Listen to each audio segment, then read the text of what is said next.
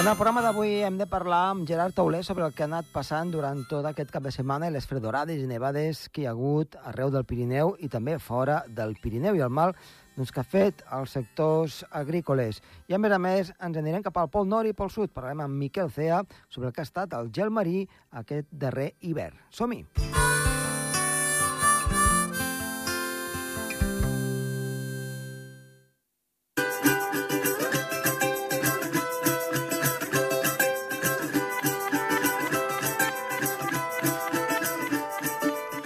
Iniciem el programa i parlem amb Gerard Tauler. Gerard, molt bona tarda. Hola, bona tarda, Josep Tomàs. Doncs bé, no ens queda més remei eh, parlar aquesta setmana del que ens ha passat al Pirineu i fora del Pirineu, perquè déu nhi com han baixat les temperatures, fins i tot amb nevades Sí. a zones baixes. El dia 4 d'abril es, va- es va arribar a menys 12,9 a Núria, a l'Observatori de Núria. I la temperatura més baixa dels últims 3 anys, vull dir, Déu-n'hi-do.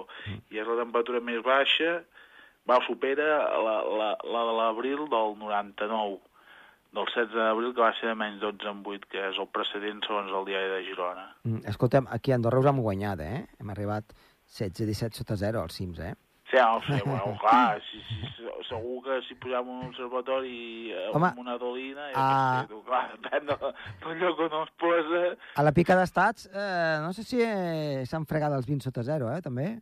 Déu-n'hi-do. 21 setara va arribar. a la 21, pica imagina't, imagina't. 21. Però va, ens interessa molt eh, que ens parlis una miqueta de d'aquestes gelades fortes, mm, també fora del Sí, ha fet Pirineu. molt mal, diuen a les terres de Ponent, suposo que també a algun lloc de, del Pla de Girona, a la plana de la Selva, ha afectat eh, les comarques de Ponent perquè els arbres estan ja molt florits, Clar. estan molt avançats, els arbres fruiters, i clar, 50.000 hectàrees han quedat afectades. És que és molt, eh? eh només falta Després, això, la, ara. la, la nevada ha estat molt intensa, Uh -huh. se- s'han acumulat en un dia 55 centímetres, em sembla que a Baguergue, a la Vall d'Aran, déu nhi Uh -huh.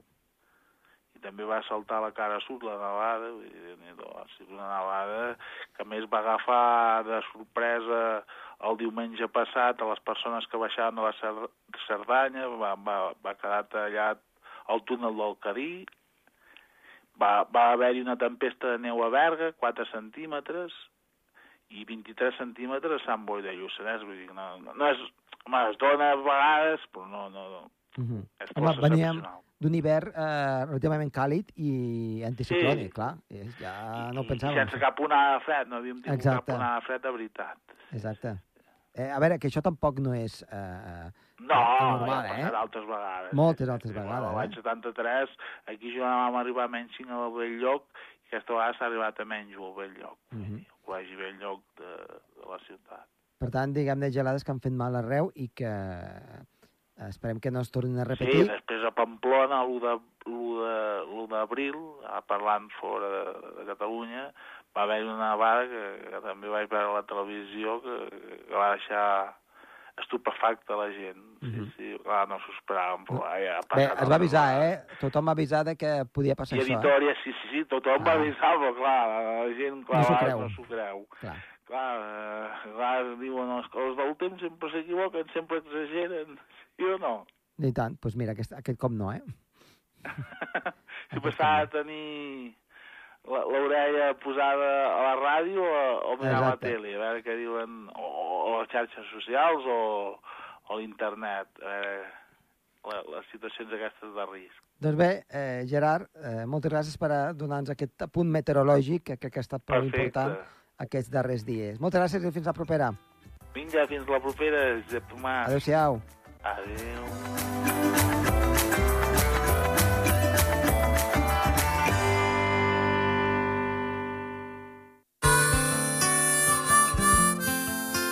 El Torb, amb Josep Tomàs.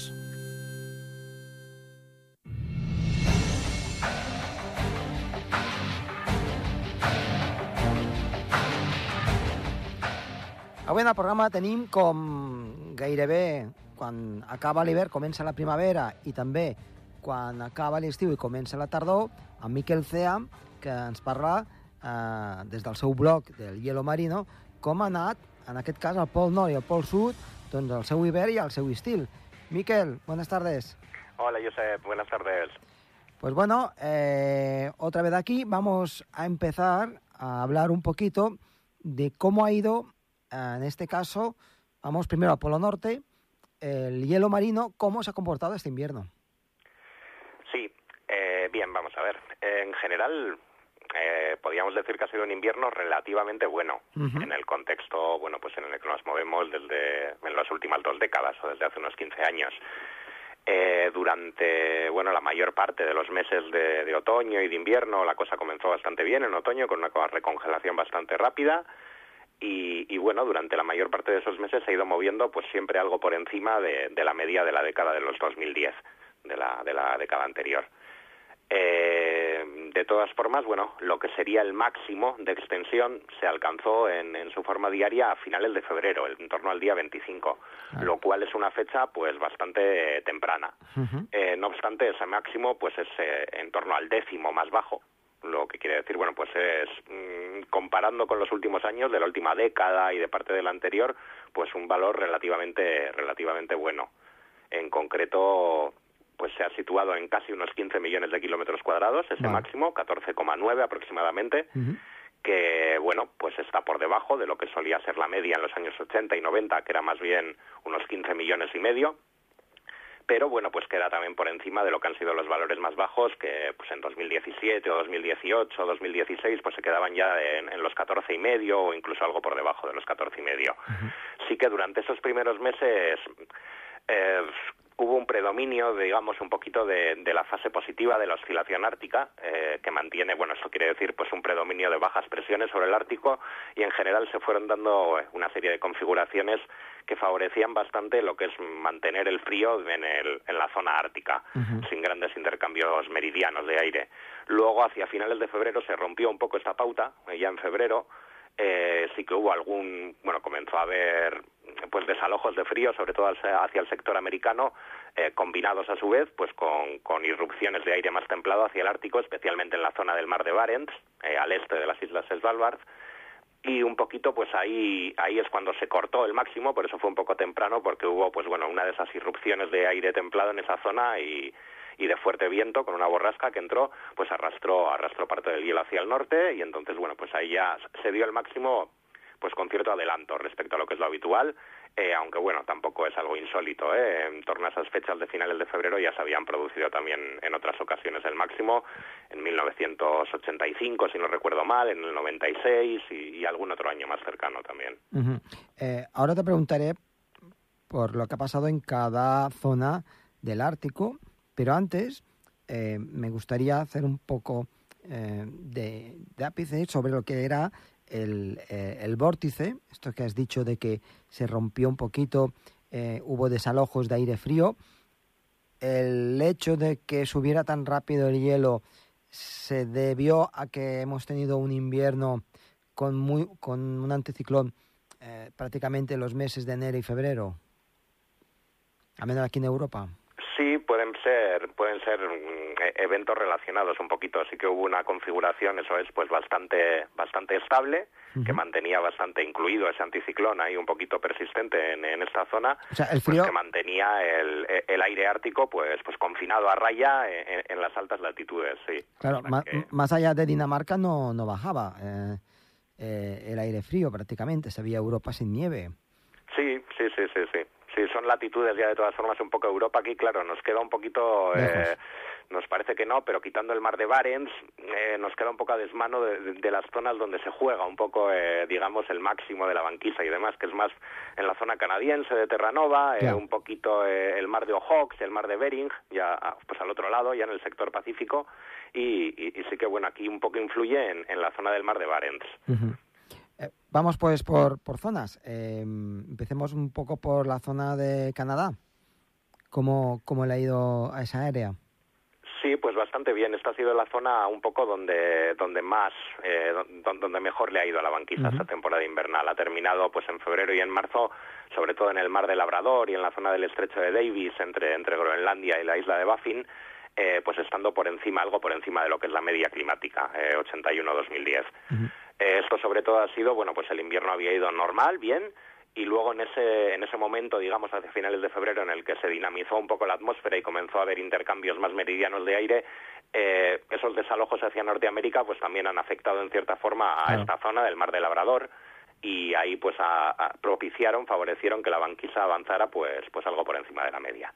Mar de Bering también el mar de Bering ha estado pues prácticamente en la media climática durante, durante la mayor parte del invierno y también en, en estos momentos finales en torno al máximo. ¿Y la zona ya rusa? Eh, ahí mismo, bajando un poquito, ¿eh? en, el, en el mar de Ojox, que sería ya ahí abajo en el, en el propio Océano Pacífico, entre la península de Kamchatka y el norte de Japón y demás, ahí sí que ha estado algo por debajo de la media. También ha podido influir un poco en en, bueno, en, no alcanzar los valores de la media climática en todo el conjunto.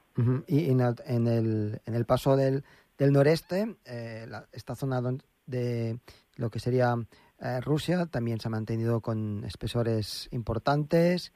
Y... Eh, sí, lo que es extensión, claro, la extensión en principio no nos dice nada sobre el grosor, pero bueno, sí que desde el otoño ya en, hubo una recongelación temprana y, y, fuera un poco por el frío o por el movimiento del hielo a la deriva que favoreció la compresión de, hielo en esa zona, sí que ha habido durante los meses de octubre, noviembre, hubo, hubo bastantes incidentes con barcos que terminaban, que andaban terminando de, llevar suministros y demás a los distintos puertos que tiene por ahí en el Ártico ruso. Eh, y que bueno que quedaron atrapados, necesitaron la ayuda de rompehielos y demás. Eh, se ha movido en cuanto a extensión en la media, quitando esa zona del mar de Barents desde finales de febrero, eh, como hemos comentado, con una entrada de aire templado arrastrado por una borrasca y viento del sur, pues que ahí retrocedió, ha retrocedido algo por, por debajo de la media. Eh, la zona esta de Svalbard también se ha comportado bastante bien, ¿no? Sí, sí, quitando también ese momento un poco puntual, eh, coincidiendo con, con, lo que mencionaba del mar de Barents, que también al norte de las Svalbard pues se abrió un... Un poco, ¿no? Eh, sí, eso es, se abrió algo de agua abierta, también arrastrada por el viento, la banquisa hacia el norte, eh, pero tanto antes como después se ha movido prácticamente en la media climática en esta zona. Sí. Eh, una pregunta, creo que esta te la he hecho algún, algún que otro año, pero seguramente a nuestros oyentes les gustaría eh, saberlo. ¿Alguna vez entre Groenlandia e Islandia se han llegado a juntar gracias al hielo marino? Sí, sí, sí, hace ya bastante que no sucede, pero, pero sí que ha llegado a ocurrir en algunas ocasiones. Eh, este año hubo también, no recuerdo exactamente, a principios de febrero, creo, o, últimos de enero, hubo un momento en el que, bueno, por la deriva del hielo se acercó bastante, hasta cosa de, pues, unos 20 o 25 kilómetros de la costa de Islandia, eh, pues una lengua de, de Manquisa. Sí que anteriormente, eh, en torno a 2005, hubo, algún, hubo algún año que también casi llegó a, llegó a unirse, y, y, antes, sobre todo en los años 60 y primeros de los 70, hubo varios años, los años del hielo lo llamaban allí, en el que sí que realmente llegó a quedar todo cerrado eh, entre Groenlandia y, e Islandia durante, durante algún tiempo, pues sobre todo a finales de invierno, con, con el hielo llegando a la deriva hasta allí. eh, eso ocurría de vez en cuando, sí que es verdad que también anteriormente mm, no era tan habitual, por ejemplo en los años 30 y 40, luego vino ese periodo más frío y desde, desde entonces pues se ha convertido en algo más, más extraño. Vamos, que sucede muy raramente o amaga con, con suceder, pero no, no llega a ocurrir de esa forma en la que, pues ya te digo que en los años 60, por ejemplo, algunos años sí que, sí que se produjo. Por lo tanto, en el pasado sí que quizás se, se podía ir a pie, se, se podría cruzar. Bueno, cruzar a pie sería bastante complicado porque es una zona, lo que es cruzar, digamos, porque es una zona con una deriva bastante fuerte y entonces el hielo pues está muy muy en movimiento, son muchos témpanos que se van fragmentando, chocando entre sí, abriéndose canales de agua abierta, pero bueno, pero hubo algunos momentos en los que pues dar buenos paseos alrededor de Islandia, de la costa norte, sobre todo y noreste, sí que sí que habría podido ser posible. ¿Y, la zona ya de eh, del norte de los países europeos, hubo el Golfo de Botnia y tal, eh, sí, la cosa ha eh, ido ha sido relativamente normal, no ha llegado a los valores de la media climática aquí en el Báltico, pero de los últimos tres o cuatro años igual ha sido el que el que más se ha acercado. Y ha habido, bueno, lo que es en el Golfo de Botnia, una banquisa bastante consolidada que todavía, pues de momento ahí ahí sigue. Mm, por lo tanto, podemos decir que ha sido un buen año de lo que es e, eso es, eso es. En, en conjunto, un poquito, podría ser un, un año bastante bueno, sobre todo teniendo en cuenta, pues bueno, pues que, que, durante estos últimos 15 años ha habido otros en los que en los que ha bajado bastante más y la situación pues ha sido un poquito menos optimista para la banquisa. Pero este invierno en el Ártico, para el hielo marino, pues ha sido relativamente bueno, podemos decir. ¿Los grosores han podido medir? Sí, esto comentamos, hay, hay un par de, formas de medirlo, una es por satélite, con los satélites Criosat 2, eh, otra es, bueno, modelización en base a, pues, a datos meteorológicos y demás integrados en un modelo, y más o menos, mm, bueno, pues los valores ahora hacia el final de la temporada estarían en, en la media de los últimos 10-15 años. Bueno, está bien, está bien. Por lo menos no hemos tenido un, sí, hay que coger estos valores con un poquito de mm, de duda porque son, bueno, hay bastantes incertidumbres, eh, tanto en un modelo como, como en las propias mediciones de los satélites, derivadas sobre todo un poquito de la incertidumbre en cuanto a cuánta cubierta de nieve hay, deja de haber, hay, son valores que, bueno, tienen ciertas incertidumbres, pero bueno, orientativamente sí que, sí que nos indicarían los dos, además coinciden bastante en que, bueno, estaría en, la media, sí. Pues nos vamos hacia el Polo Sur, en lo que ha sido su verano. Eh, ¿cómo, ¿Cómo ha estado la cosa? Sí, pues en el, bueno, en el océano Antártico, en, en, cuanto a lo que es la banquisa, de allí del hemisferio sur, este verano eh, pues se ha registrado el mínimo más bajo desde que tenemos registros. Por satélite, bastante mal. desde finales de los años 70. Eh, por primera es un poco simbólicamente podríamos decir por primera vez se ha bajado de los 2 millones de kilómetros cuadrados y se ha quedado en 1,9 el, el mínimo, batiendo el anterior récord que era de 2017 que era de, de 2,1 y bueno quedándose pues bastante pues millón y medio de kilómetros cuadrados, casi 2 millones por debajo de, de, lo que sería la media climática de, de 1981 a 2010. Esto puede afectar al tema, ¿sabes aquel que hablamos de los glaciares? de que se vaya rompiendo alguna plataforma?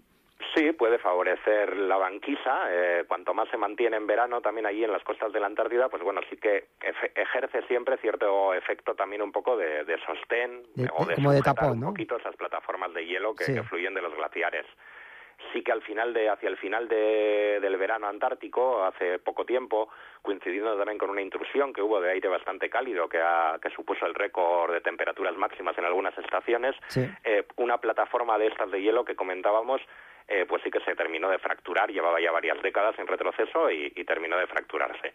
No tendría mayores consecuencias tampoco en cuanto al glaciar que hay detrás y demás, porque a diferencia de lo que de otros en otras zonas de la Antártida, bueno, este es un glaciar que, que está situado bien sobre tierra y en principio, bueno, pues la pérdida la pérdida de, la plataforma flotante que había sobre el agua no debería tampoco suponer mayor cambio para la estabilidad del glaciar.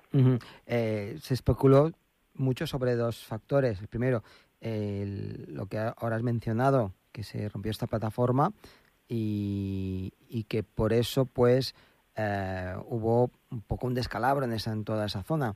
Eh, no sé si esto viene dado por algún fenómeno que aún no conocemos o simplemente porque le tocaba y no tiene más, más importancia. Sí, no, en principio, bueno, pues sí que ha venido acompañada, ha sido la intrusión de aire cálido de, esos días eh, ha sido bastante excepcional, podríamos decir, no ha batido los récords de temperatura máxima en varias estaciones, pues por márgenes muy amplios. Eso, pues bueno, sí ha coincidido justo además hacia el final del verano, cuando se encuentran en una situación pues con menos banquisa, eh, con más agua de deshielo eh, en, esa, en alguna de esas plataformas y parece que un poquito ese subidón eh, térmico pues ha podido ayudar a que esa, una plataforma en concreto pues terminara de, fracturarse mm. en un proceso que ya venía de antes. Aquí en, en, algunos foros, pues hablando un poco, un poco en plan de broma, se comentó que la temperatura media quedó en menos 10 grados no sé si es cierto o no es cierto. Sí, ha habido pues en la estación de Bostock, que es conocida porque... Por estas bajas temperaturas. Y claro, mucha e-, gente dijo... es, porque el récord de, temperatura mínima registrado en la Tierra de 89 grados bajo cero, pues es ahí, en la estación de. Claro. Y ahí, en las fechas en las que se produjo la, la intrusión de aire cálido, la temperatura media suele ser ya de unos 50 bajo cero o así, y durante pues un día o un par de días subió hasta hasta cerca de los de los días bajo cero, efectivamente. claro, se comentaba, un poco en plan de broma, que claro, 10 eh, grados bajo cero no se eh, deshiela nada, ¿no? No, a 10 grados bajo cero desde luego no se deshiela nada y ha sido algo excepcional, puntual, quiero decir, en cuanto a al continente antártico, digamos, y todo ese casquete de hielo que está allí, eh, bueno, térmicamente no, no tiene ningún problema, porque, bueno, pues son temperaturas tan bajas que, que el margen de calentamiento que tienen todavía antes de que pudiera comenzar a, a, suponer pérdida de hielo, pues es muy amplio. No obstante, en zonas costeras o, por ejemplo en estas plataformas flotantes, depende de dónde, pues bueno, sí que e, e, ese subidón térmico, pues sí que ha, eh, temperaturas por encima de cero grados positivas y que por lo tanto, pues sí que han podido afectar a pues tanto a la fractura de esa plataforma de hielo, pues eh, eh, como a otros bueno, a provocar cierto deshielo puntualmente en, los propios glaciares más cerca de, la costa. Ya para terminar, quiero que eh, hagamos un poco de previsión con la bola de cristal, como siempre hacemos, de cómo puede ir el, el verano para, para el hielo ártico. Mm, ¿Ves alguna tendencia en los modelos a, a largo plazo? Mm, la verdad es que ahora mismo no, no sabría decirte eh, nada muy concreto partimos de una situación que está, bueno, pues en la media, en principio, tanto en cuanto a extensión como sobre todo también en cuanto, por lo que parece, a grosor y demás del hielo. Eh, por lo tanto, bueno, pues dependerá mucho de, qué condiciones de, circulación atmosférica y meteorológicas y de deriva del hielo dominen en el Ártico en, pues en los meses de verano y a partir de mayo, sobre todo hasta, hasta mediados de septiembre. Mm, a día de hoy no hay predicciones sólidas sobre ello y bueno, pues habrá que ver, dependerá un poquito de ese comportamiento, el que el mínimo pues pueda ser un poco más mm, pues en la línea de este máximo, relativamente bueno, dentro de que hablamos de, valores pues más bajos que, que los que eran habituales hace algunas décadas, o que por el contrario, bueno, pues si se dan circunstancias desfavorables, podría volver a llegar a, valores bajos que, que, rondaran el récord mínimo. Veremos. En principio, lo normal sería esperar algo, bueno, pues, pues más o menos en la media de la última década aproximadamente. ¿Y crees eh, que el hielo antártico se pueda recuperar este invierno? ¿Nuestro verano? Sí, sí, sin duda. No, no creo que tenga mayor problema. Quiero decir, de momento ya está, ya ha comenzado la recongelación allí. Todavía los valores, pues bueno, en total la extensión está algo por debajo de la media, pero bueno, ya, ya va cogiendo una trayectoria en la cual va, va cerrando la brecha. Y, y bueno, y, cómo se desarrollará el invierno es muy, muy imprevisible. En, en, la Antártida, en la banquisa antártica, lo que vemos es una gran variabilidad eh, de un año a otro, incluso con cambios bruscos dentro del mismo año, según pues pues cambiar un poquito los patrones de circulación atmosférica también allí, sobre todo ligados a, la baja del mar de Amundsen y su intensidad y posición relativas. Entonces, bueno, pues, pues habrá que ir viendo qué es lo que sucede exactamente. El año pasado la verdad es que también empezó bastante bien, luego llegó también un mínimo muy temprano y al final ha terminado pues con este mínimo pues tan bajo, ¿no? Que marca el, el, el, mínimo registrado hasta ahora. Que no obstante hay que relativizar todo esto porque, bueno, eh, la banquisa antártica sí que el contexto sería un poquito este que indico, ¿no? Mucha variabilidad interanual, pero desde que tenemos observaciones, desde finales de los 70 hasta día de hoy, eh, no, ha habido ninguna tendencia ni a descender ni a aumentar. Lo que es la tendencia, los valores medios se mantienen planos. Es importante esto que estás diciendo, ¿eh? Para no extraer conclusiones erróneas, como se dice. Sí, es una puntualización, eso es. este ha sido un verano malo, sin duda, para la banquisa antártica y, bueno, y otros detalles que hemos podido comentar, pero en principio lo que es la banquisa, llevamos más de 40 años de observaciones por satélite y, no se ha detectado ninguna tendencia al descenso. Veremos si a partir de ahora cambia, pero hasta ahora, desde luego, eh, lo que ha ocurrido este verano también, teniendo en cuenta eso, eh, habría que insertar, insertarlo en, la variabilidad natural propia de, ese sistema del hielo marino del Océano Antártico. Pues Miquel, como siempre, muchísimas gracias por estar aquí con nosotros y te esperamos en una próxima ocasión. Pues nada, muchas gracias, hasta cuando quieras. Un saludo. Venga, Bur.